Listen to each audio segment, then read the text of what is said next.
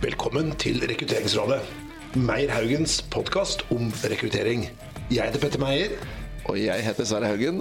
Dette er podkasten hvor vi samler smarte folk for å drøfte hvordan vi kan gjøre rekruttering bedre.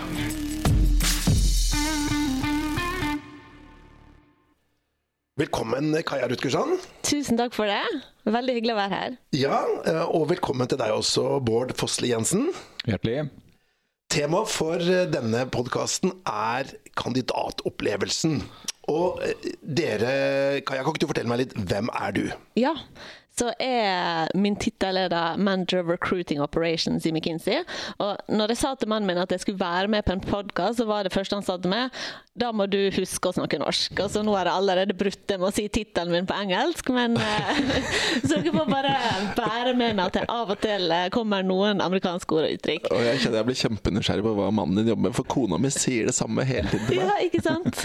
Så han har faktisk også jobba et sted du har vært i Accenture eh, tidligere. Ja, ok. Riktig. Så, eh, så jeg jobber da med Jeg leder rekrutteringsavdelinga i McKinsey McKinsey Oslo, og leder også da operations-delen av kontoret. Eh, jobber med, hovedsakelig med å ansette konsulenter til McKinsey. Spennende. Og du, Bård, hva er din bakgrunn? Jeg er barnelege. Og så har jeg eh, en doktorgrad i det vi kaller lege-pasient-kommunikasjon. Så det betyr at hverdagen min går eh, Den er delt da, i å ha vanlige barn og familier som er syke, og behandle de som barnelege. Og så lærer jeg opp og har mye undervisning med leger og sykepleiere og de som svarer på nødtelefonene. I hvordan håndtere og møte folk som er kommet i en situasjon de helst ville vært foruten.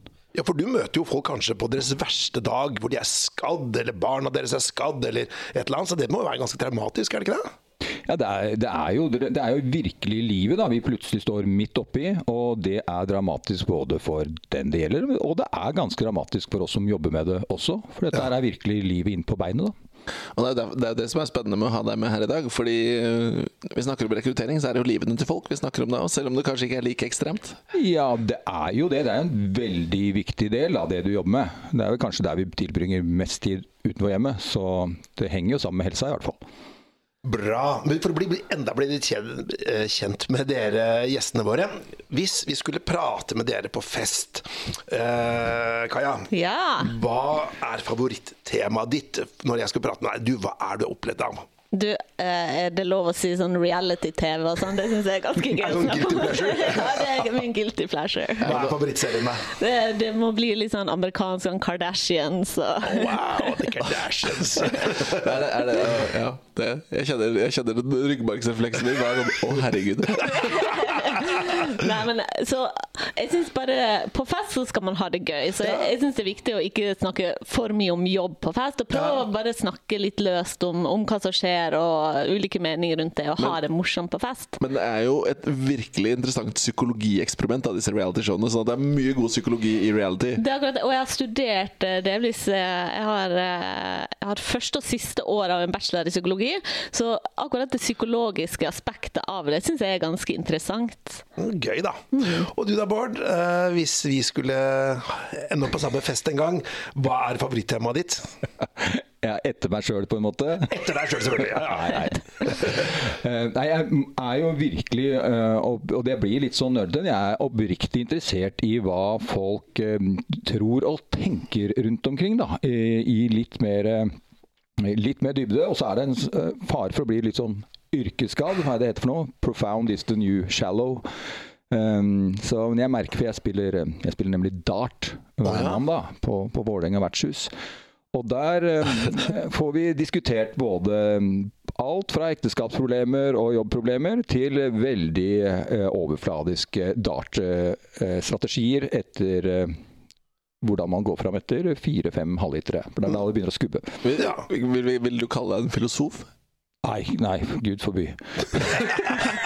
det, det, vil være fornærmelse til alle filosofer. Bra.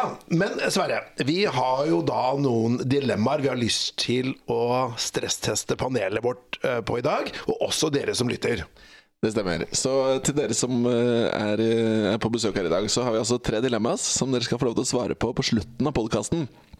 Eh, Så vi skal bare sitte og tenke på det gjennom hele ja, podkasten. ja, så får vi håpe at ikke dere går helt i mental lockdown, for å bruke norsk igjen. eh, av det. Men, men eh, det første dilemmaet det handler om eh, Det er egentlig tre dilemmaer i ett, på et vis. Eh, Men det, og det var så gøy at vi klarte ikke å velge én, men vi måtte ha tre av dem. Og det var hvis du har en kandidat som er veldig Veldig god, kvalifisert og framstår som faglig dyktig på alt de riktige tingene, men så dukker det opp noe som vedkommende tror, tenker, mener, som du er dønn uenig i. Og, det, og vi skal holde igjen hva de tingene er, helt til slutt. Men det er noe som gjør at du tenker bare 'herregud, går det an å tenke sånn?' Og da er spørsmålet hva, tenk, hva vil du ansette, vil du ikke ansette, eller hvordan påvirker det deg? Eh, Dilemma nummer to. Det er litt annerledes, for der er det ikke der, er, Men det er litt samme intro. At du har en kandidat som er kjempebra, har gjort det bra i flere intervjuer, men så får du kandidaten inn på intervju. På siste intervju, det er liksom rett før ansettelse, men så lukter kandidaten vondt. Uh, hva gjør du da? Det er dilemma nummer to. Ja. Og tredje dilemma, det er et litt sånn åpent spørsmål. Hvem er det, Hvilket behov er det som er viktigst når du jobber med rekruttering? Er det lederens behov, eller er det, den, er det kandidatens behov? Det er de tre dilemmaene som dere skal få lov til å tenke litt over eh, mens vi snakker sammen. Bra. Eh, Jeg har begynt å tenke selv, jeg også. Men eh, også til dere som lytter på. Hva ville dere valgt når dere har disse tre dilemmaene? Vi skal komme tilbake til det på slutten av sendingen.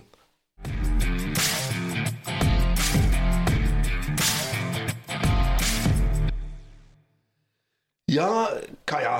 Eh, du jobber da i McKinsey og jobber, er sjef for rekruttering der. Er. Kjempespennende jobb, da. ja, det er kjempespennende. Det er jo sikkert derfor jeg har vært der såpass lenge også. Ja. Eh, Hvor lenge har du vært der? Jeg har vært i McKinsey i 13 år. Eh, Til sommeren blir det 13 år. Så det er min første jobb. McKinsey er min første jobb. Jeg har ikke jobba i rekruttering hele tida, men i ca. 10 av de 13 åra. Ja, og da må, da må jeg bare spørre, fordi jeg jobbet jo ti år. Du nevnte at jeg jobbet i Accenture. Der Ja. var jeg ti år. Og der hadde vi et sånt system hvor du kunne gå inn og se på hvor, mange, hvor lenge har du jobbet sammenlignet med alle andre i Accenture. Og jeg tror når jeg hadde jobba ti år, så hadde jeg jobba lenger enn 99,7% av alle andre i Accenture. Ja, det, det stemmer. nok. Altså, det vi eh, har gjort, er å når du starter, print ut det vi kaller sånn oversikt over alle de ansatte, og så spiller man litt bingo. da. Så da krysser man ut alle som slutter, og det er ikke, det er ikke veldig mange igjen. Eh, Det er jo gjerne med, og så er det noen av de andre som er i mer av disse støttefunksjonene, eh, og så er det et par av partnerne.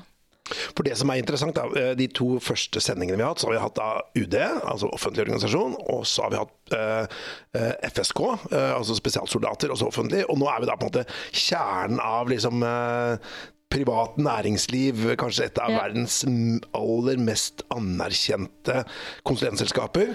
Og i hvert fall eh, veldig myteomspunnen tidligere, i hvert fall, da, i forhold til Ja. hvordan man, hvordan man rekrutterte. Så, Og så ja. må, må vi si, vi må ikke glemme å si at grunnen til at dere er her, det er jo at tematikken for disse episodene er jo det trangeste nåløyet. Ja. Og at det er jo en organisasjon som stiller ganske høye krav. Og det, og det gjør vi absolutt. Eh, Det, det stilles høye krav til å bli ansatt hos oss. Og, så, og vi er også i en ganske heldig situasjon i at vi har veldig flinke mennesker som søker, søker til oss. Så det, så Så det er, det er liksom- ganske enkelt et trangt nåløye. det er et, det er trangt nåløye, det er det. Men Kaja, kan ikke du bare fortelle oss uh, hvordan eller hva er det dere ser etter hos potensielle kandidater som skal da begynne i McKinsey? Jo, absolutt. Og vi, eh, vi ansetter jo både fra ganske mange fra, rett fra skolen, altså rett fra universitetet. Og det er nok eh, Tidligere så ansatte vi nesten alle rett fra universitetet. Nå ansetter vi i økende grad også personer med erfaring. Eh, men det, det er likevel veldig mye av de samme tingene som vi ser etter eh, når vi ansetter.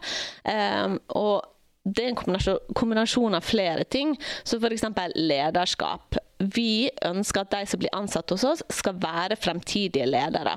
Så det vil si at hvis ikke vi ser potensial i at du kan bli en prosjektleder, og eventuelt en partner senere, så vil ikke vi ansette den personen. For, så vi ser etter eh, fremtidige ledere. Og du må da ha det potensialet. Det betyr ikke at du er allerede en etablert leder, for det er det veldig få som er når man eh, studerer.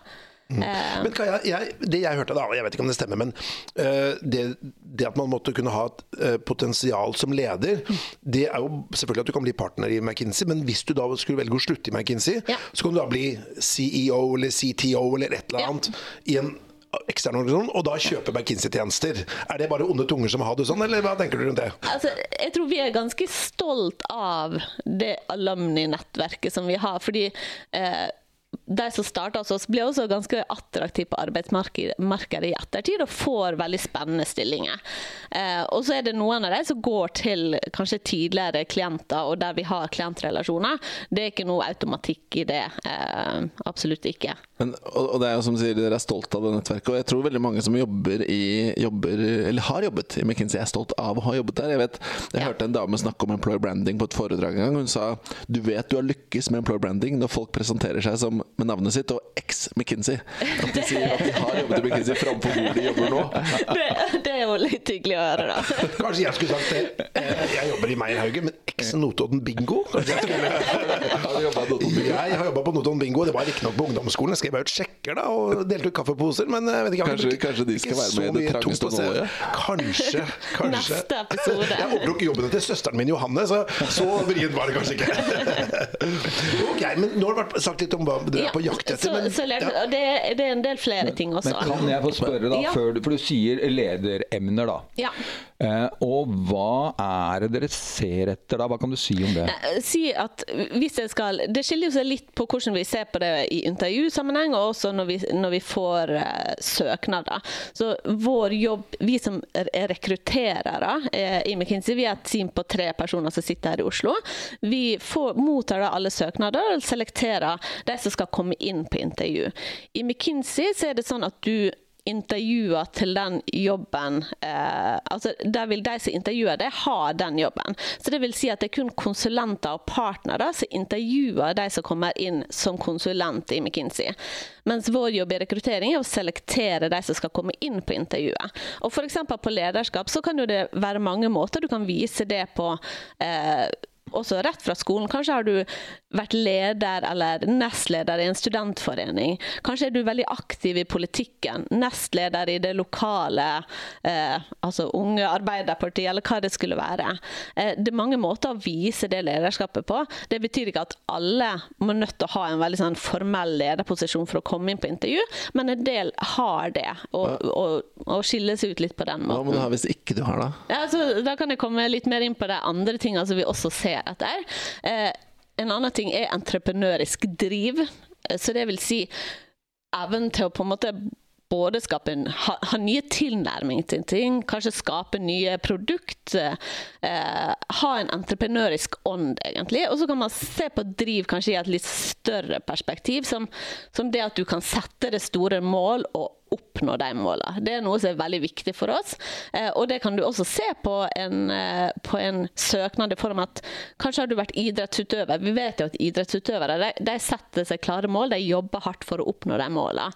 Eh, kanskje har du starta opp en ungdomsbedrift når du var på ungdomsskolen. Det er også ganske kult. Som ung person har du klart å har du ønska å gjøre en endring, du har ønska å skape noe. Og det viser at du har en entreprenørisk ånd, som, som, vi mener er også viktig for å lykkes som konsulent. Vi skal skape gode løsninger sammen med våre klienter, og da trenger vi det.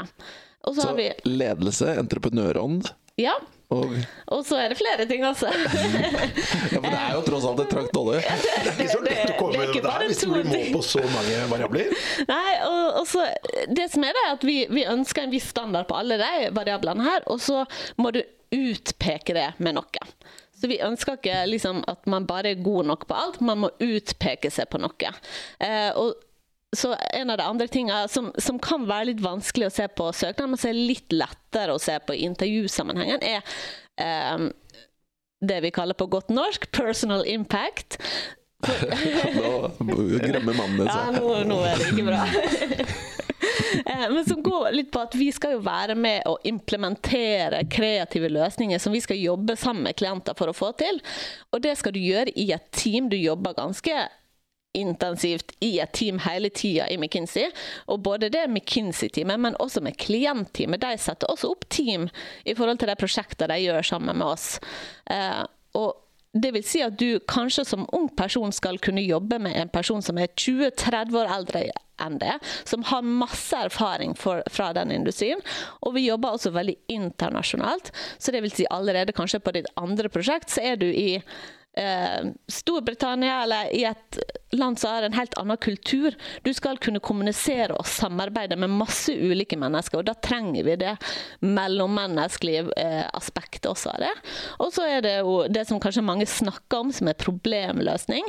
Som vi, eh, når vi intervjuer, har vi case-intervju der vi prøver å gå gjennom et reelt det som kunne vært et reelt prosjekt for McKinsey, selvfølgelig i mye mindre skala fordi det er i løpet av en halvtime. Um, men og når vi ser på da søknader for oss, så går det mye på karakterer. Helt tilbake fra videregående så ser vi på karakterer. Og så ser vi Men, også på progresjon der. Um, gjør dere screeningen manuelt, holdt jeg på å si, eller har dere noe automatisering eller noe andre Vi gjør screeningen manuelt. Så du har lest mange CV-er? Jeg har lest ekstremt mange CV-er. du har sett mye gode karakterer? Ja, altså, man blir jo veldig Man lurer jo ofte veldig på hva som skjedde når man sjøl ble ansatt tilbake i tid. Jeg kjenner den følelsen. ja, hva tenker du om dette, Bård? Det høres jo ekstremt kompetitivt ut tenker jeg. Ja. Og så høres I og med at dere, de, dere har jo et, et luksusproblem med, at, med den standingen dere har, som gjør at dere, det høres ut som meg som dere får alle de som har vært eh, tillitsvalgte og leder for studentkoret og, og, og hatt oppkarakterene, og kan velge blant det. Og samtidig så ender du opp med, når dere kaller det inn på intervju, at dere må se etter noen menneskelige egenskaper utover det som sto på CV-en. Ja. Uh, og, jeg, og, Vi kan komme tilbake til det, kanskje. Mm, vi er mm, veldig interessert i hva som dere tenker er lett trenbart, hva dere kan trene mm. folk i, og hva dere tenker er dette får vi aldri lært dem, så ja. de kan vi ikke ta. Det, det er interessant. Ja, ikke sant? Mm. Men, men, det som er interessant, det som vi snakker om, det er trangt nåløye, og så har vi jo en kobling mot dette som er kandidatopplevelsen. Ja. Fordi jeg har jo spionert litt på dere tidligere. Ja, eh, som, som, at du har jobba i en tidligere ja, Nei, faktisk ikke da, men jeg har, jobbet, jeg har gjort noen rådgivningsprosjekter for bedrifter som handlet om å identifisere og få tak i topptalent. Og så har vi intervjuet og kjørt fokusgrupper med toppstudenter, og da hørte jeg noen historier om McKenzie. For da snakket ja. vi med de som hadde straight A's og ja. var liksom ledere i alle vervet og ikke sant, alle de der kroner på hodet før du går ut av studiet. Og de fortalte at rykte, eller min forståelse, det er sånn at McKinsey, det de gjør, de drar på NTNU, så kjører de en gigamiddag, hvit duk, Harald Eia som konferansier, og Highasakite Kite som spiller, eller gudene vet, mm. koster sikkert skjorta. Alle kan komme, helt åpent. Og så bruker McKinsey den arenaen til å finne ut hvem de vil ha. Mm. Og når du kommer på den der lista, hotlista til McKinsey, da får du den personlige oppfølgingen. Da blir du fulgt opp, da får du påskeegg i posten og blir invitert på øl og kaffe osv. Altså, det stemmer jo til dels. Burde alle begynt High as a Kite, altså. vi har ikke hatt High as a Kite, men det hadde vært kult. Eh, men ja, vi har eh, store og ganske morsomme presentasjoner eh, som vi legger mye Vi legger mye i det faglige innholdet i de presentasjonene. Og vi har også et sosialt aspekt. Vi vi, som jeg sa tidligere, vi er tre personer som jobber med rekruttering i McKinsey, men 75% av de ansatte er, er ganske tungt involvert i rekruttering. Så det vil si, har vi en presentasjon i Trondheim, eh, så er både rekruttering der, men kanskje ti konsulenter inkludert partnere, er også til stede. Vi investerer ganske mye i det, fordi da vil alle kunne ha en McKinsey-person på sitt bord. Du vil kunne stille spørsmål, du vil kunne forstå hva, liksom, hvem er disse menneskene som har denne jobben, og bli kjent med dem og se kan jeg se meg sjøl i denne bedriften her. Og Det tror jeg er veldig viktig, at du får møte de personene som, som jobber der, for å se om du passer inn. Også for å, for å Jeg syns også det er veldig viktig å, å, da bringe med de som kanskje har vært der ett til to år, så du kan relatere det litt mer til. Men akkurat den biten her gjør jo veldig mange, egentlig. Det men, men det, som er, det, som jeg opplever som litt sånn spesielt, det er den, oppfølg, den personlige oppfølgingen dagen. Ja. Gjør dere det? det? Vi gjør det. Det så vi har et liksom, program som heter Keep in touch. Ja, spennende. Eh, og det, det, vil si, nødt Vi, vi plukker ikke noen ut fra en bedriftspresentasjon og putter dem på Keep in touch-programmet vårt. Eh, du må søke. Så det vil si, vi har jo disse store presentasjonene, fordi, og da kanskje vi reklamerer for vårt internship-program. Vi, vi har en årlig tur til Kitzbühel, der vi tar med 20 studenter til Kitzbühel. Vi har også et Young Women Leadership-program, der vi utvikler eh, unge kvinnelige ledere. Eh, og det, det, her er ting du kan søke til. Det er ditt du... første steg for å komme inn. Eh... Og da skal du ha data? Ja, og, og, da søker du med full med CV og søknadsbrev, karakterutskrifter, alt.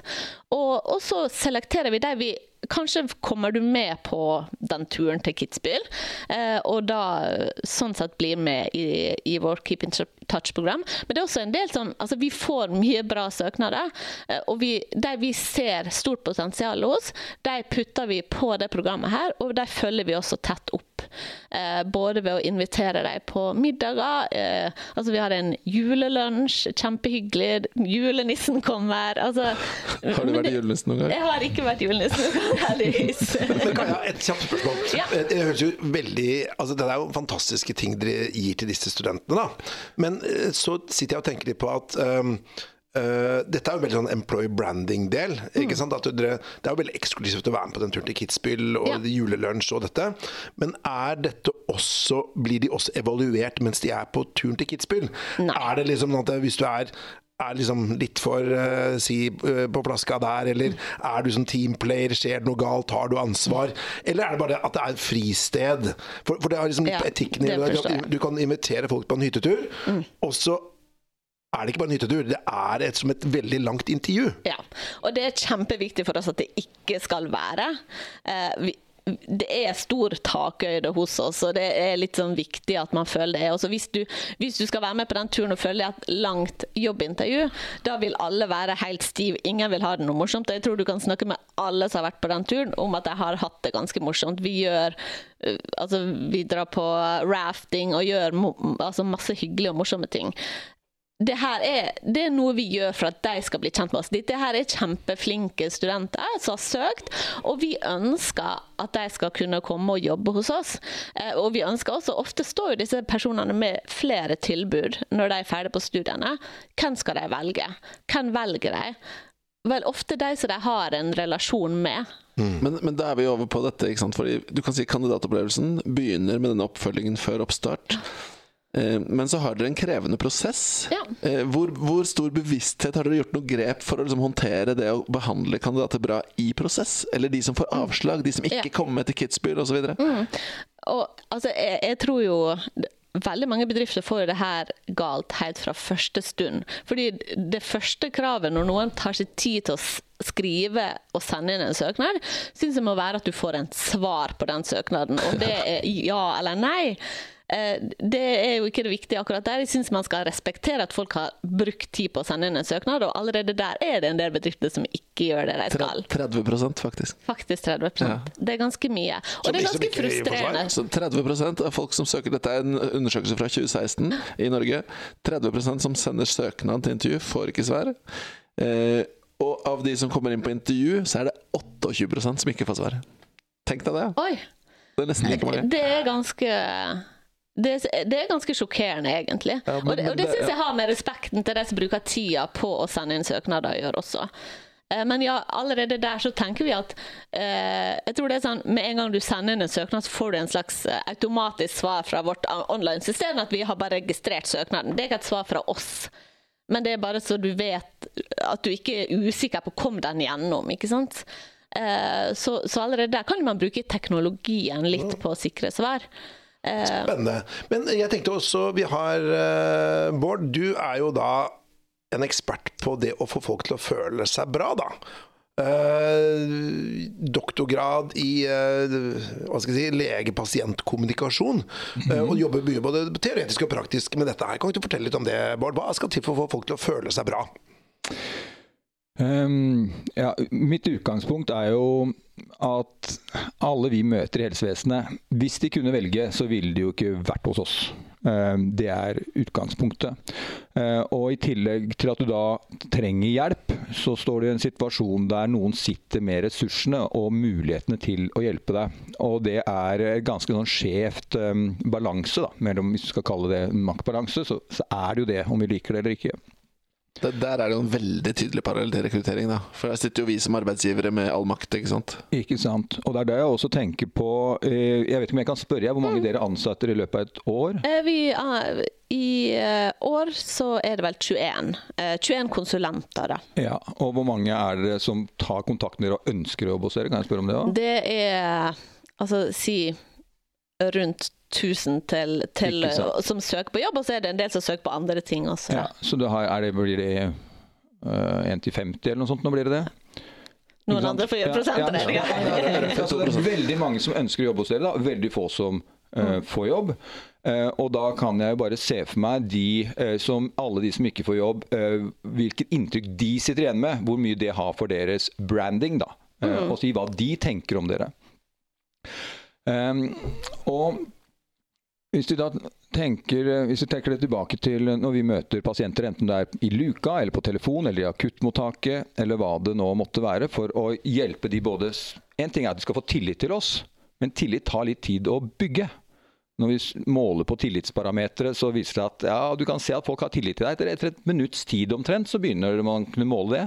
Men litt før eh, det, så er det det vi er ute etter, er strengt tatt bare at folk skal senke skuldrene og kanskje like oss litt, for å bruke et sånt uttrykk. da. Det er igjen, altså, det er kjempeparallell. Jeg, det er jo en av mine fansaker. Men tillit er jo det som er mm. mangelvare i rekruttering i dag. Ja. Så det er, ja, det er superrelevant. Ja, det er mangelvare overalt, i hvert fall der hvor ting skrubber. Eh, så, der, men der vi har tillit, der flyter alt. Og de får også, de er de beste klinikkene, de beste legekontorene, og de får de beste resultatene. Mens der det mangler tillit, så skrubber det overalt.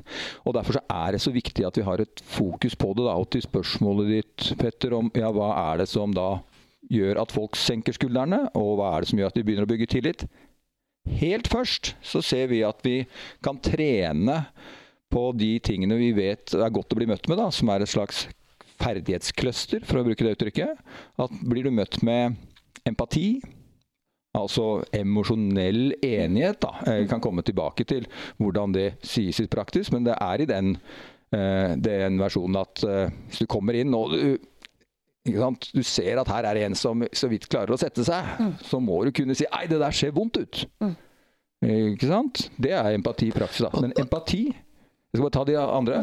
Enighet, erkjennelse og takknemlighet er en slags ferdighetscluster. som Blir du møtt med det, så tenker du at oi, her har, kan, men, er jeg gode hender. Kan du gjenta det? Empati, enighet Erkjennelse. erkjennelse. Altså for eksempel, da erkjenner du når jeg sitter og venter et kvarter. Ja, det var lenge. Ja, Du må erkjenne at du har gjort en feil. da. Ja, ja. Jeg kunne jo sagt ja ja, men det er så mye å gjøre i dag. Ja. Men jeg erkjenner heller at nå har jeg kanskje vært litt treig, da. Og den siste, er det? Eh, takknemlighet. Ja. Du, når jeg, når jeg, har blitt satt over fire ganger her, sånn, nå er det den fjerde jeg kommer på telefon. Ja, du, takk for at du venta. Ja. Takknemlighet. Kan jeg spørre, eh, spørre spørsmål? For eh, det vi ofte kan se i intervjusammenhengene hos oss, er jo at folk kan jo være altså Mange har ønska det her ganske lenge. Du har kommet til intervju, du er ganske nervøs. Mm. Eh, og så ser du, som intervjuer, så kan du jo ofte se det. Mm. Og da ber du intervjuerne bruke litt tid på å bare roe ned, for da vet vi jo for mye mer ut av ja. dem. Men har du da noen tips til hva dere som leger gjør for å roe ned eh, pasienter? Ja, og det er veldig kult du sier, for at forskjellen Eh, på hvis jeg skal si noen forskjellen på de profesjonelle og kall det amatørene når det gjelder det å møte mennesker. De Forskjellen der er nettopp det du sier, om vi klarer å differensiere mellom hvilken effekt vi ønsker å oppnå. F.eks. en som er veldig redd. da. Eh, så vil eh, den som ikke har tenkt seg så nøye om, vil si ja, men hva gjør du med en som er redd? Nei, jeg roer den jo litt ned. Mm. Ja, hvordan du gjør det da? Nei, jeg får den til å slappe av. Mm. Ja, hva sier du da? Nei, jeg sier ting som gjør at folk blir trygge. Så de, Folk har en tendens til å bare snakke effekter. Men skal du møte folk emosjonelt profesjonelt, så må du kunne snakke om atferd, da. Hva skal du si og gjøre? F.eks. hvis en som sier eh, du, jeg er så redd for den der eh, hjertetesten. Mm. Jeg er så redd for at hjertet skal stoppe. Mm. Så hvis du da det som er veldig vanlig, er å bare ignorere den redselen og si I helsevesenet sier vi sånn som, de, som Ja, når er du født? Som om liksom den redselen ikke var der i det hele tatt. Det er veldig vanlig, da. Ja. Eh, og, og andre ting som er veldig vanlig, er å si sånne ting som at eh, Nei, men det er ikke noe å være redd for. Som om du har feil følelse. Og Ja. det er ikke noe godt å bli møtt med, da. Altså, er du redd? Eh, og En tredje ting som er veldig vanlig, er å, det vi kaller en prematur forsikring. Altså at du eh, sier sånne ting som Ja, det, det skal du ikke være redd for, du, for dette her kommer til å gå bra. Som jo virkelig ikke er sikkert at det kommer til å gjøre. så, da, da, hvis vi da er inne på mer, det blir møtt med empatien der, da, og sier du er så redd for at hjertet skal hoppe. Eh, ja, det er klart du er det. Du har ikke vært gjennom det der før. Men hvis vi skal dra den parallellen til den nervøsitetssituasjonen, for det er et veldig godt spørsmål. Du har en nervøs kandidat, jeg ser at han er nervøs. Hvordan kan jeg liksom uttrykke en empati for det på et vis? da? Ja, hvis du det, Vi må nesten for, la, meg ta, la oss ta litt grann om dette med empati først, da. For veldig mange kommer til meg og ønsker en eller annen slags eh, quick fix. Eh, noe du kan skrive på en Post-It-lapp som du skal si, som er veldig empatisk. Ja. Og det har en tendens til å slå ut på folks bullshit-sensor. De bare merker det hvis dette er innlært. Så det aller første vi det vi ser etter når vi skal finne gode eksempel lærere innen pasientkommunikasjon, eh, og også det første vi lærer folk, det er å få vekk den derre flinkis-greia og kunne bare komme med det vi kaller empatiske utbrudd. Og det handler om å kunne Jeg kaller det bare en slags åpne en slags luke bare i mellomgulvet, hvor det du opplever, kommer ut der og da. Eksempel, så hvis du tar dette med nervøsitet, da. eh, Og en pasient, nei, en pasient, en kandidat, da, sier ah, 'jeg grua meg så til dette intervjuet'. Ikke sant? Hva sier du da? Og da Da sier du 'når er du født'? ja, jeg, må bruke et annet for Jeg har jo ikke noe erfaring fra rekruttering på den siden i næringslivet som dere har, men jeg har møtt veldig mange folk.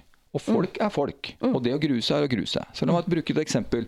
Jeg kom til en pasient en gang, en voksen mann, uh, som satt utafor et laboratorie nede på legevakta her i Oslo, faktisk. Og så Han så ordentlig forkommen ut, da. Så, eh, så, jeg, så jeg sa bare det til da. Eh, For han var jo voksen, jeg er barnelege, så var ikke min pasient engang. Så jeg sa nå det til han, at eh, du, det ser ikke ut som du har det noe bra. «Eh, nei, sa han. «Eh, og det verste er at jeg føler meg så dum i tillegg. Ja, ok. Ja, for jeg, jeg gruer meg så sinnssykt. Jeg skal inn og ta en sånn eh, blodprøve. Og det var bare et stikk i fingeren. Hvis jeg da skal liksom være ordentlig empatisk, da, så kan jeg dra til og si å herregud, det høres så grusomt ut. Bortsett fra det syns jeg ikke, skjønner du. Sånn at uh, hvis jeg prøver å være empatisk med et eller annet jeg ikke mener, så høres det bare rart ut. Så hva sier man da isteden? Nei, for jeg syns ikke det hørtes så grusomt ut, mm, så det kan jeg ikke relatere til. Men jeg kan relatere til det å grue meg. Så isteden kunne si noe rett igjen. det jeg gruer meg noe så sinnssykt, kan han si. Og hvis du da kan si ja, det er ikke noe godt å grue seg. Ja, så, så i dette tilfellet hvor du har da han, han eller hun som er nervøs, um, og så sier de 'jeg er så nervøs', så, kan man, så kan man si 'ja, men det, det skjønner jeg godt', det er jo klart det er jo skummelt å bli vurdert til en Ja, og hvis jeg kan få tune deg litt, da, for du er jo en empatisk fyr, sant, Sverre. Så, og vi trener til og med å trene vekk ord som handler om logikk. Ja. Fordi at empati og medfølelse handler om følelser. Mens det å skjønne ting, ja. Å forstå ting, det er noen logiske ting. da. Du kan kanskje skjønne en ligning. Så vi ser at mange tenker de er empatiske ved å si du, du jeg er så redd for sprøyter. Så sier folk ja, jeg skjønner det.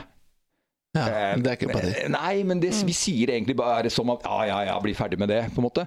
Så skal du virkelig uh, hente fram liksom en flik av hjertet ditt, og en sier du, jeg er så utrolig nervøs for dette intervjuet. Og da må du kunne tenke deg hvordan er det å være utrolig nervøs. Du har sikkert vært nervøs en gang sjøl. Og si det som faller deg ut da. Og det kommer som et utbrudd. Så hvis noen hadde sagt til meg jeg er så utrolig nervøs for dette, for dette intervjuet, ville jeg kanskje sagt ja, det er vondt. Eller ja, det er ikke bra. Eller Ja. noe i den retningen der. Men Men kan man også bringe inn sine egne opplevelser, eller blir det jo på en måte altså, Si, jeg husker når jeg var på intervju, så Ja, var jeg så ganske nervøs. Ja, og hvis jeg skal nå komme med et slags råd rett over bordet, eh, dropp det. Ja.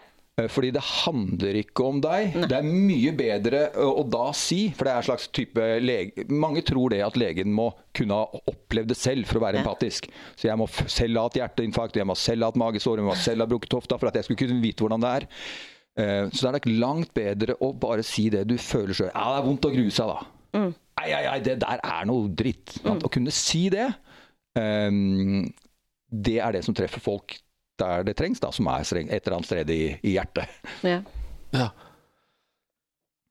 Men um, hvis vi ser på disse tingene, da. Jeg, jeg, tror det er ganske, jeg tror det er flere paralleller her til en rekrutteringsprosess og, og uh, kandidatopplevelsen. Vi snakker om empati. Eh, Den er det lett å se. ikke sant? Å, liksom liksom vise empati for nervøsiteten. eller hva det skal være. Og så vil jeg jo tenke da, Bård, at det er bedre å i hvert fall prøve å være empatisk og feile litt, Ja. i forhold til å ikke gjøre noen ting, eller spørre om fødselsdato. Det er utrolig kult at du sier, fordi at det er veldig vanlig, særlig medisinstudentene, de eh, sier sånn ja, men det, det høres så kunstig ut. For veldig mange av oss er lært opp til å holde følelsene inni oss. Og skulle liksom holde et slags emosjonelt skjold, da. At det er profesjonelt.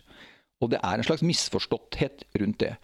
Men det profesjonelle pasienter sier til oss altså Profesjonelle pasienter det er folk som har en sykdom som de har hatt lenge, og allikevel så er de trent opp til å kunne la seg bruke som sånne crash test dummies, hvor studentene kan drive og intervjue dem. da. Og de sier det at eh, ja, Jeg merker jo at studentene syns det, det kommer litt kunstig, og de leter litt etter ordene. Og det fiffige er, sier de, at det virker så bra allikevel. Ja, men det er ganske interessant. Det er Ja. litt sånn som i påvirkningspsykologien. Komplimenter funker, selv om de er overfladiske. Ja. Men du må ha hjertet på rette plassen. Du må ønske, du må føle med.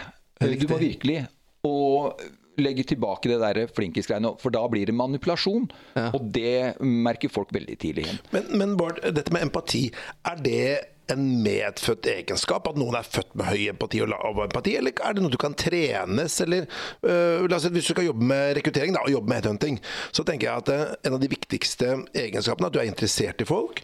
Du har empati med mennesker, du, du har respekt, har integritet. Det er en del av de der menneskekunnskapene da, som, som jeg mener er ekstremt viktig hvis du skal jobbe mye med mennesker. Og, og det samme er hvis du skal jobbe da i helsevesenet, hvor du treffer også, eller alle yrker hvor du har mye med mennesker å gjøre. Da. Men dette med empati, kan det læres, eller er det, noe, er det født sånn eller blitt sånn? Um, Det er trenbart.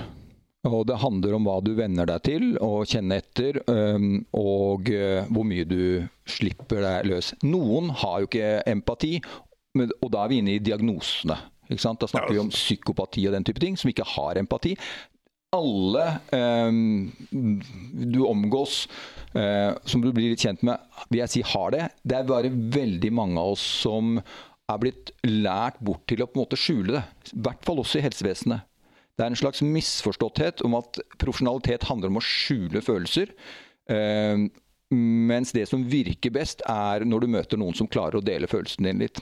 Og det er en trenbar størrelse. Der tror jeg det er en parallell til rekruttering også. Kanskje ikke helt sånn like ekstrem, men, men det er nok det er mye profesjonalitet og liksom masker i rekruttering. da. Ja, men Altså, jeg, tenker, jeg tenker sånn, i hvert fall når jeg begynte med rekruttering for, for veldig mange år siden, da, så var det jo at uh, Det er jo del sånn social science, da, at du skulle liksom være liksom en, en person som ikke skulle by så mye på deg selv, for det kunne forstyrre intervjuobjektet. Man, man tenkte at man skulle ha La oss si du skal intervjue fem forskjellige kandidater, så skal du på en måte prøve å ha en så lik situasjon som mulig. da, Så at du på en måte stiller de samme spørsmål, ha den samme settingen, så du kunne sammenligne kandidatene. Men hvis du byr veldig mye på deg selv, f.eks. er empatisk og reagerer på de følelsesutbruddene som en kandidat har, så vil jo situasjonen bli ganske annerledes. La oss si at det er en kandidat som er supernervøs, eller akkurat krasja med bil, eller krangla med mannen sin, eller hva som helst, eh, og, de tar med seg det i intervjuet, du responderer på det, så blir det intervjuet ganske annerledes kontra noen som er superhappy, akkurat gifta seg, eller få- få- fått barn, eller et eller annet. ikke sant? Så, øh, så det blir jo i hvert fall den gamle tradisjonen at du som intervjuer skal være en, en sånn Du skal ikke by på altså du skal ikke påvirke intervjuet i så stor grad, da. Hva tenker dere rundt det, da? Altså, jeg, jeg tenker jo at man må ha en viss balanse. At intervjuet handler om kandidaten som er på intervju mest, og, det er riktig at det skal gjøre. Men jeg syns at man skal være et menneske i intervjusituasjonen. Eh, og jeg syns at eh, Altså, jeg hadde et intervju for litt siden der jeg merka at noen var veldig nervøs. Eh, og et, rett etter at jeg hadde stilt et spørsmål. Og da ga jeg heller den personen ga deg et glass, Eller spurte om skal jeg gå bare og hente et glass vann kanskje til det. Så gikk jeg ut i ett minutt. Og så kom jeg inn igjen med et glass vann. Da, da, får den personen litt tid til å trekke pusten og samle seg litt. Eh, og, og kanskje prestere litt bedre i resten av det intervjuet. Som jo er en veldig empatisk handling, sant? Ja. Det, jeg tror det må være en slags McKinsey-versjon av vi som har sånn Kleenex stående. Ja, ja, ja ta, ta, et lite sekund eller to for å hente deg inn igjen. Ja. Og da henter folk seg inn. For poenget må jo være at folk skal slappe mest mulig av, sånn at du får se mest mulig av hvem de faktisk er. Absolutt. Men, men, vi snakket om i stad at uh, tillit er viktig. ikke sant? Og så er det noen som mener at en del av tillit, eller noe som er med på å bygge tillit, er intimitet. Eller personlig, mm. den der personlige kontakten. Mm. da. Trener du konsulentene dine på dette, eller er det noen ganger du har tatt noen og sagt nå må du kutte ut det der maska di, ta av deg dressen og være slapp av litt? Uh, jeg vet ikke om jeg har sagt det på den måten, men, men jeg syns absolutt at man skal kunne være seg sjøl i intervjuet.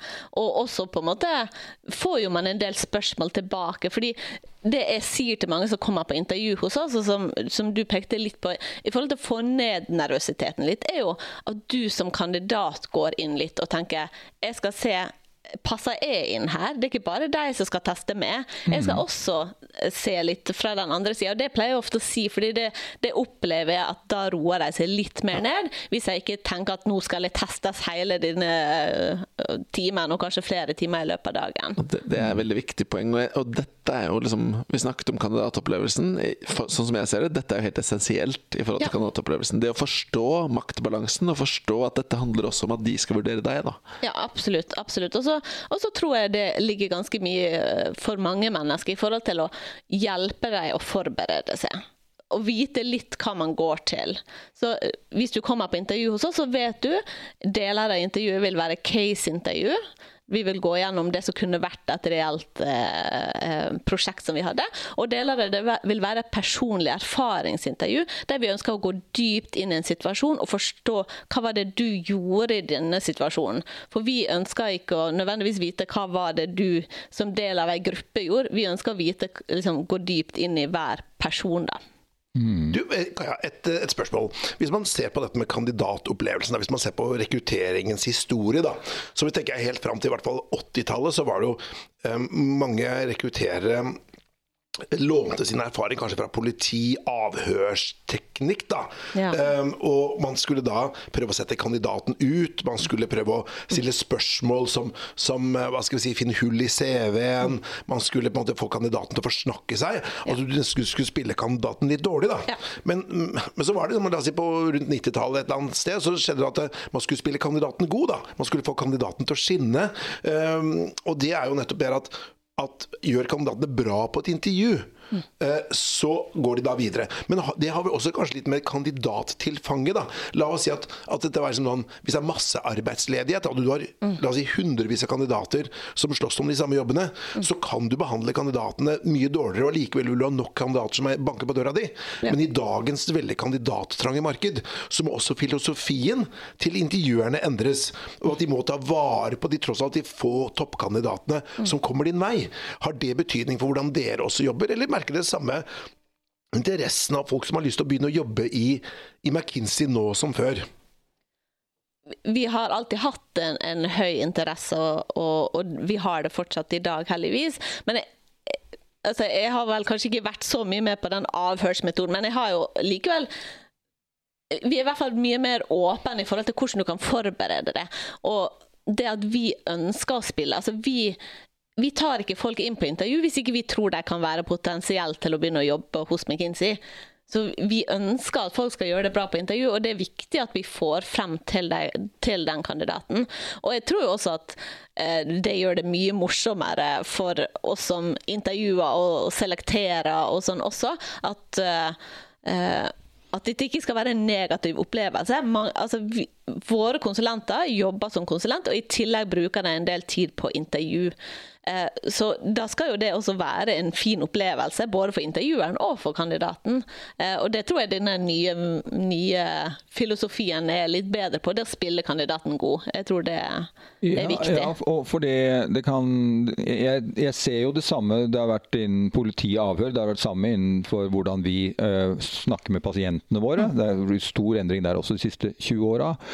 Og hvis du skal trekke det inn til hva som handler om å finne de beste kandidatene, hvis du trekker det helt tilbake til mot urinstinktene våre, og du skulle velge, velge alliansepartnere, da så er det to eh, hovedelementer vi blir evaluert på sånn ganske umiddelbart. Eh, og det ene er eh, hvor dyktig du er, altså liksom skills. Eh, og det andre er eh, varme, eller altså troverdighet. For det er to, eh, to, forskjellige parametere. Og det er jo vanlig å tenke at ja, skal du ha en eh, samarbeidspartner, så må han være veldig dyktig, faglig dyktig. Og Samtidig så ser vi det at det viktigste er sånn evolusjonsmessig, det er å velge de som er troverdige. Og troverdighet handler om varme, som igjen er inne til et ja, Vi bruker et empatibegrepet, men det handler om å kunne vise følelser. da. Og hvorfor ønsker vi folk som er troverdige fremfor de som er dyktige? Jo, det er så enkelt som at hvis vi bruker bildet tilbake til steinalderen, sant? skal du velge en, en partner så er det bedre å velge en som du kan snu ryggen til uten at han slår deg i hjel og tar maten din med en gang. Det er bedre å velge det enn en som er veldig god til å jakte eller å fyre, fyre bål.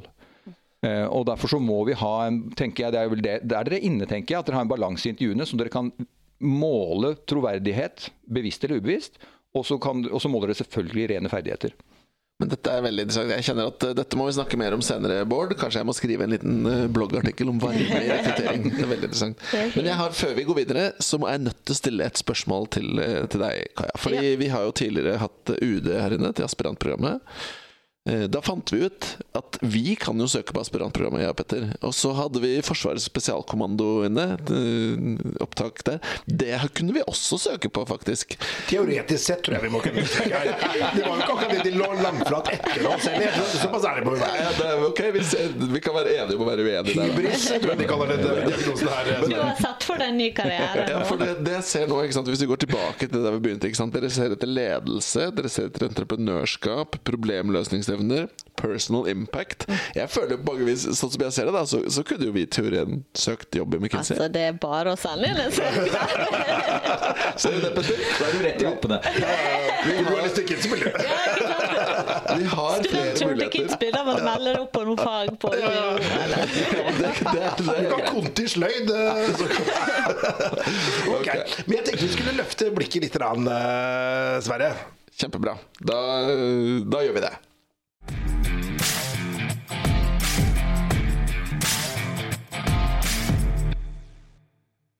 Så eh, det vi lurer på Nå skal vi heve oss litt opp fra McKinsey sin sfæren. Vi skal heve oss litt opp fra kandidatopplevelsen og egentlig stille et åpent spørsmål til rekruttering. Til dere begge, Kaja og Bård. Eh, hvis vi ser på rekruttering helhetlig, og du hadde hatt mulighet til å kunne fikse én ting med rekruttering, hvilket problem innenfor rekrutteringssfæren ville du fikset da? Um, så jeg, synes jo, altså jeg jobber jo med rekruttering, men likevel så jobber jeg i konsulentbransjen. Så det, altså det, det tenker Noe som er kjempeviktig for oss i konsulentbransjen i dag, er å få opp diversiteten i de vi ansetter, og i de som søker til oss. Så jeg tenker jo bare at det er liksom noe som, som, alle i ulike bedrifter må jobbe aktivt for. Å få opp diversiteten i de søkerne, og også ansette de, liksom ha diversitet i de profilene de ansetter. Og når da, du sier diversitet, da er det det vi på norsk ville ofte kalt mangfold, eller? Det, det, der tok du med. Men dette med mangfold, det er jo forskjellige ting. Så du har jo da eh, kjønn, du har etnisk bakgrunn, du har språk, du har kanskje seksuell legning, du Ja. har alder, du har en hel haug med variabler her. Hva, hvordan definerer du dette med mangfold, da? Nei, jeg definerer det egentlig innenfor veldig mange av de variablene du sier. Og vi har hatt veldig stort fokus på å, å få flere kvinner til å søke til McKinsey, og, og, og hvordan vi kan ansette flere kvinner. For vi, vi, trenger jo da å tiltrekke oss flere kvinner, og det har vi fortsatt stor fokus på. Men vi hadde nå i mars akkurat vår første LGBTQ event i, uh, i, Amsterdam. Så det var, det, da var det alle kontorer i Nord-Europa. Vi uh, annonserte da for det eventet her, uh, som er det første av den typen event. Fordi vi ønsker jo at hele befolkninga skal være representert, for det er sånn vi kan virkelig få få det beste talentet men, til McKinsey. Men, men, det er jo litt sånn vanskelig dette med mangfold, fordi ikke sant? Det det er liksom, Du har lyst til å fikse på det, du har lyst til å gjøre noe med det, men så er det likevel nesten litt sånn tabu å snakke om det. Du kan ikke mm. si vi vil ha flere minoritetsbakgrunn, mm. eller vi vil Og det er, Eller tar jeg feil? Ja, Måler det, altså det blir feil å måle det, da, er poenget altså, det, det, blir feil å gjøre noen endring i ansettelsesprosessen pga. det. Eller det er sånn vi ser på det på. Altså, vi, våre intervju er fortsatt våre intervju, og våre ansettelseskriterier er fortsatt det. Men vi kan jobbe ganske aktivt med å få flere til å, til å søke til oss. Og da, da, da handler det også om å vise en diversitet i de som er allerede ansatt. For jeg tror at i hvert fall fungerer jeg litt sånn at jeg trenger å, å se kanskje noen som er litt lik meg sjøl, eller eh, jeg trenger å forstå at jeg kan passe inn i en bedrift for at jeg skal ønske å søke dit. Eh, og, og, ved å da ha en type event også for LGBTQ, så, så kan de også møte andre som allerede jobber der, og, som, og så, så, så vil du kanskje kjenne det litt bedre igjen. Men, men, du nevnte det at uh, opptil 70% av deres ansatte var med i rekrutteringsprosessen ja. deres. Og uh, nå er ikke jeg eh, kjenner jeg jo ikke alle ansatte i uh, McKinsey i Norge, men jeg, kan man anta at det er i hvert fall oppover i systemet er det flere menn. Ja. Uh, og jeg tipper at det kanskje er mange som er etnisk norske. Mm. Uh, og de er litt oppi åra. Ja, altså, Det med opp i åra er vel kanskje ikke helt altså jeg vil... Ja, de er 45 pluss, da, ja, kanskje? Jeg, tror gjennomsnittet i McKinsey ligger under 30. Ja, Eller rundt 30. Men hvis du tenker både den øverste, du tenker men, manager ja. og partnernivå? Så, så, i partnergruppa vår så har vi vi har en kvinnelig partner. Hun ble akkurat valgt til partner nå. Ja. Så vi har jo da hatt en periode uten kvinnelig partner. Så, og hun er så, 30, eh, er hun ikke det? Hun er 30 år, ja. Mm. Hvor mange partnere er det totalt? Ti. 10, mm, så 10 10 10 Og det, det, ønsker vi å få på. Heldigvis så har vi eh, langt flere juniorpartnere som er kvinner. Og der er også andelen av juniorpartnere, eh, den kvinnelige andelen, er mye større enn i partnergruppa. Så vi håper jo at om, eh, om, et par år så vil eh, det se litt annerledes så, ut. Hvis vi, hvis vi skal ta som et skritt bak da, og tilbake til spørsmålet hva mm. vil du fikse med rekruttering, så er svaret ditt relatert til diversity. Mm. Vil, det, vil det si at du skulle ønske deg noe enten verktøy verktøy, bedre prosesser, et eller annet som gjorde at du fikk flere, mm. eller et større mangfold, da, blant de du ansetter? Jeg, jeg syns det er vanskelig å vite hva type verktøy det skulle vært. Så, så ja, Det vet jo ingen av oss, men, nei, men å løse problemet Jeg skulle ønske at man sammen kunne løse problemet. Ja, veldig bra. Godt, eh, godt innspill. Ja, ja, absolutt. Bård, sett, ja. sett fra doktor Fossli Jensens perspektiv, hva ville du fiksa med rekruttering? Jeg må nesten uttale meg fra det jeg kjenner best, da, som er helsevesenet. Eh, og når jeg hører hvordan dere går systematisk frem for å finne kandidater, så, så skjemmes jeg jo på hele helsevesenets vegne. For jeg, jeg, kan vel ikke huske å ha vært igjennom en ordentlig rekrutteringsprosess noen gang. Nei, det var egentlig en ting jeg lurte på. Var, hvordan er intervjuprosessen hvis du skal være lege? Eh, du må ha bestått medisinsk embetseksamen og det Som om du har puls. Om, ja, og, hva sa du? Som om du har puls. Nei, jeg vet ikke hva jeg skal si. Jeg, jeg, må jo innrømme at jeg har vel ikke vist karakterkortet mitt noen gang. Ja. Uh, og de, uh, så vi har i hvert fall slitt med opp igjennom. Det er blitt mye mer profesjonelt nå. De nye legene, der er det langt mer rettferdige prosesser når de skal gi turnus uh, osv. Mm, men det har vært mye bekjentskaper og legefamilier osv. som vi ikke har vært særlig stolte av. Så Uh, og allikevel, hvis jeg skal si uh, hva jeg tenker kunne være bedre sånn generelt, både hos oss i helsevesenet, men jeg tror også for samfunnet for øvrig uh, Det heter seg vel at de jobbene det kommer til å bli mangel på i Det er vel Friedmann som har skrevet dette her, han futuristisk tenker. Og at de jobbene kommer til å bli mangel på i uh, fremtiden, er det de forkorta til stempathy jobs. Altså de tradisjonelle fagene som stem, stem, science, technology, engineering and maths. Eh, det kommer det til å uh, være folk som uh, har eh, kunnskap om, og alt som kan automatiseres. Og så har du dette her med people skills, som er hvor empathy kommer inn.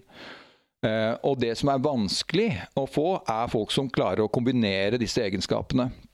Og da må vi inn i Så det jeg skulle ønske meg i rekrutteringsprosessen, da, er en mer systematisk måte å eh, evaluere folks Kall det people skills på, da. For sånn jeg har opplevd det i dag, er at vi tar det på magefølelsen. Vi sitter, og så ender det opp med at vi ansetter folk vi liker.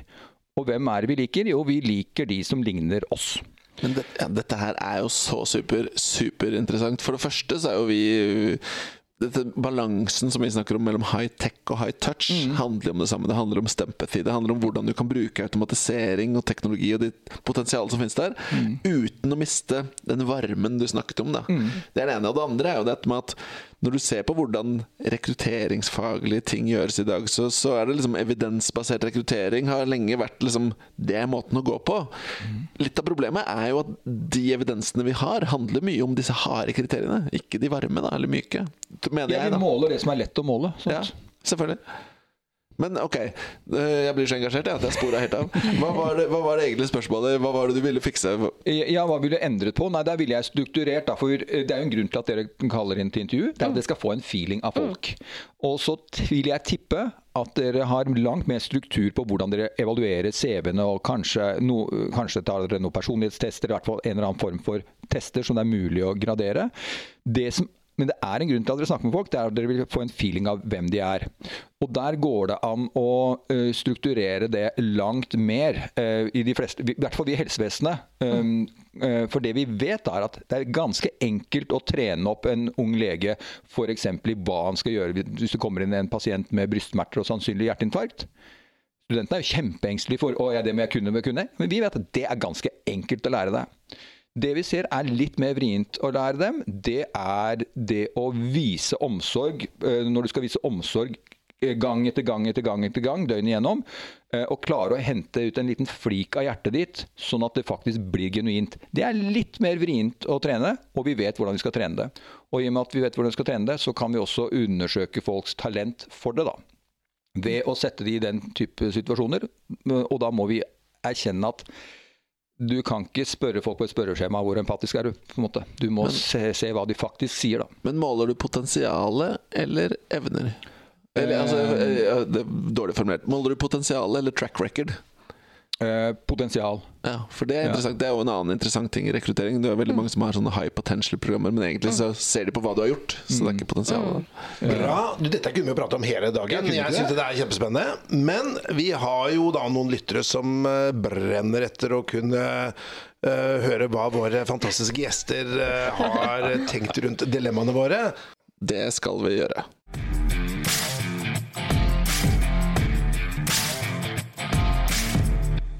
Så dilemmaene som vi hadde lyst til å stille om for i dag, vi, vi skal gjenta de, og vi tar de liksom én etter én, så skal dere få lov til å svare på de underveis. Ja, det det er ja eller nei. eh, Det er ja eller nei binært. Ja, I utgangspunktet så er det jo binært, så vi, eventuelle utgreiinger må komme etterpå. ja. Så første spørsmål er altså denne kandidaten som har en fantastisk track record, og CV-en er bra. Og det er liksom, hvis vi skal ta McKinsey-paradigmet, så er det, det du ser ledelse, du ser entreprenørskap, du ser problemløsning og masse personal impact. Men så legger du merke til en liten ting på CV-en. Og det er at personen er leder for Norsk ufo-forbund.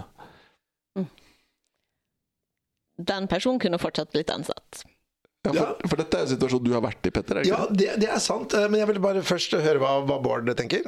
Ja, han er med. Så det er greit. Ja, okay. okay. Ok. Men øh, Skulle du si noe mer Ja, jeg skulle bare si noe, for, for jeg var i den situasjonen, og det var en tipp topp person. Eh, og personen da, Dette er mange år siden, da, så ingen, som er leder i, eh, i UFO Norge nå. Men, men det var en person som var tipp topp, og, og, og så sjekka på sosiale medier. Og personen var da eh, medlem av Norsk ufo-forening. da. Og så spurte jeg ham på angangsintervju, da. Eh, for jeg hadde funnet ut at det er mellom førstegangs- og angangsintervju, hvor da tok jeg en sånn sosial mediesjekk.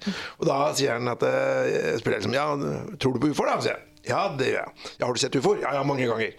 Og da tenker jeg ja vel. eh, Og så tenkte jeg ja, jeg, jeg vet jo ikke, jeg har ikke sett noen ufoer, men, men jeg tenkte jo at det betyr jo ikke at det ikke fins. Så jeg tror ikke personen er gal, da. Men du har det samme med dette med Ja, da, da holdt Petter på å Ingen spoile utgreiing. Hørte vi ingen utgreiing? Petter holdt på å spoile det neste, fordi dette dilemmaet var så gøy at vi er da nødt til å legge på et par andre. Ok. For da, det der, ok, Hva hvis vi bytter ut UFO, Norsk UFO-forbund, men du har samme kandidaten, superbra, men han er leder av Norges avdeling for The Flat Earth Society. Hvor tolerante er vi her? nei, det er går si. Der går grensen. Akkurat der. Ja, Så hvis du tror jorda er flat, da får du ikke jobb hos deg, Bård. Nei, der går grensen. Der hvor, der hvor Hva med, hva med McKinsey? Altså, jeg, syns Det å blande hva folk tror inn i en beslutning, er litt vanskelig, da. Ja. Jeg, jeg føler at folk må få lov å tro det de vil. Selv om Så da har du en konsulent som snakker om at jorda er flat ute hos kundene? Ja, det, den, den, den. Altså, jeg ville jeg ville ha fått en del andre personer til å vurdere. Så du hadde egentlig bare dytta fra deg hele dilemmaet? Ja. Ja, okay, ja, greit. Vi må ta en tredje, da. Ja, ja. Som er kanskje Jeg vet ikke, noen vil kanskje si enda vanskeligere. Hva hvis vi bytter ut ufoer? Vi bytter ut Flat Earth. Men så, så er det tydelig, og det står på CV-en, at personen har, er veldig Altså veldig rasistisk, nasjonalistisk med i Hvit valgallianse eller Pegida eller Ja, eh, et eller Boot Boys eller Så, hvis, der tenker jeg det er et eh, reelt verdi uh, En verdibekymring. Uh, rasistisk verdi... Altså, det, det ville vært vanskelig. Men mangfold, da? Jo, men da, de er jo ikke så veldig åpne for mangfold, da. Godt parert. Godt parert. Ok, men Bård? Ja, svaret er nei. Ja, det går ikke. Nei, for Stormberg var jo det, det, det, det, det De har vunnet priser for mangfold, men de har jo tatt inn ikke sant? De tar inn syrier osv. Så, videre, så har de også tatt inn nazister og ja, ja, ja. Ok. Det var, det var dilemma nummer én. Ja, det var dilemma nummer én. Det, var- det, var jo, det var jo Vi har hatt mye moro med det.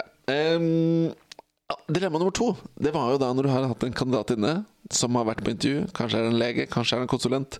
Vært innom et par runder, og det går kjempebra. Så skal du inn på siste forhandlingsintervjuet, og så kjenner du at kandidaten stenker. At det er kroppsodør, kroppslukt, som er veldig ubehagelig.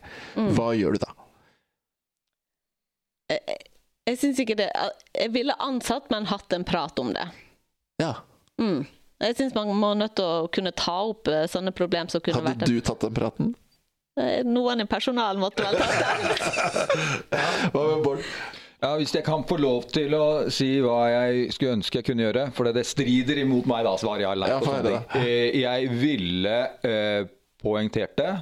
I intervjuet? Ja, og sagt det Du eh, Sagt det som en feedback. Eh, du eh, lukter om det er fyll eller svette eller urin. Svette. Svette. Ja. Og da tenker jeg at du ikke er så forberedt for intervjuer som vi vanligvis er, og det gjør meg litt bekymra. Og så ville jeg hørt på responsen.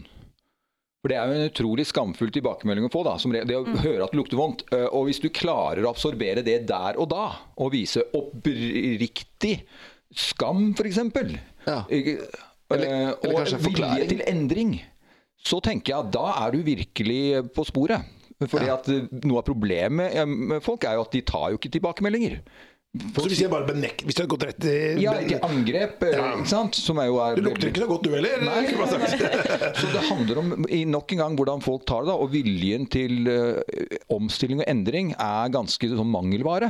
Så hadde han, hadde han eller hun kunnet tatt det, så tenker jeg at du er good to go.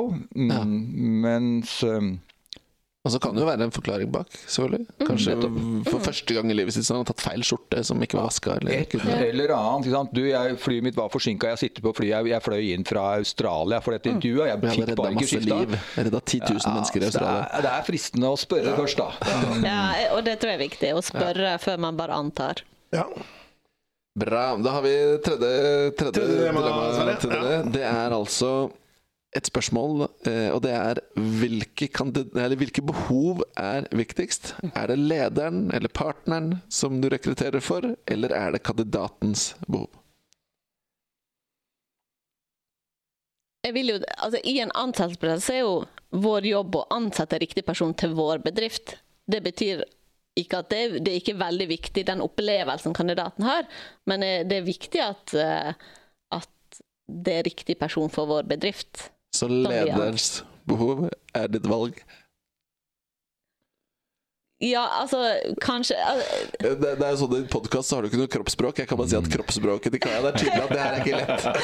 Det er ikke lett, for begge deler er kjempeviktig. Ja. Men min jobb vil jo være å ansette riktige personer til McKinsey. Det er min jobb. Riktig. Jeg er jo frista til å vri litt på det, da. For det er så lett for meg å mene noe om din jobb, i og med at jeg ikke har har vært der i det hele tatt. Og jeg tenker samtidig at jobben må jo være det lett, så lett for kandidaten som, mulig, som mulig å velge riktig jobb.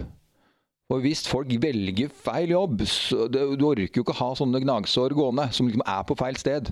Så det, vår jobb er jo å gjøre det enklest for mulig for kandidaten å si ja, etter at han har fulgt de kriteriene som vi må ha, da.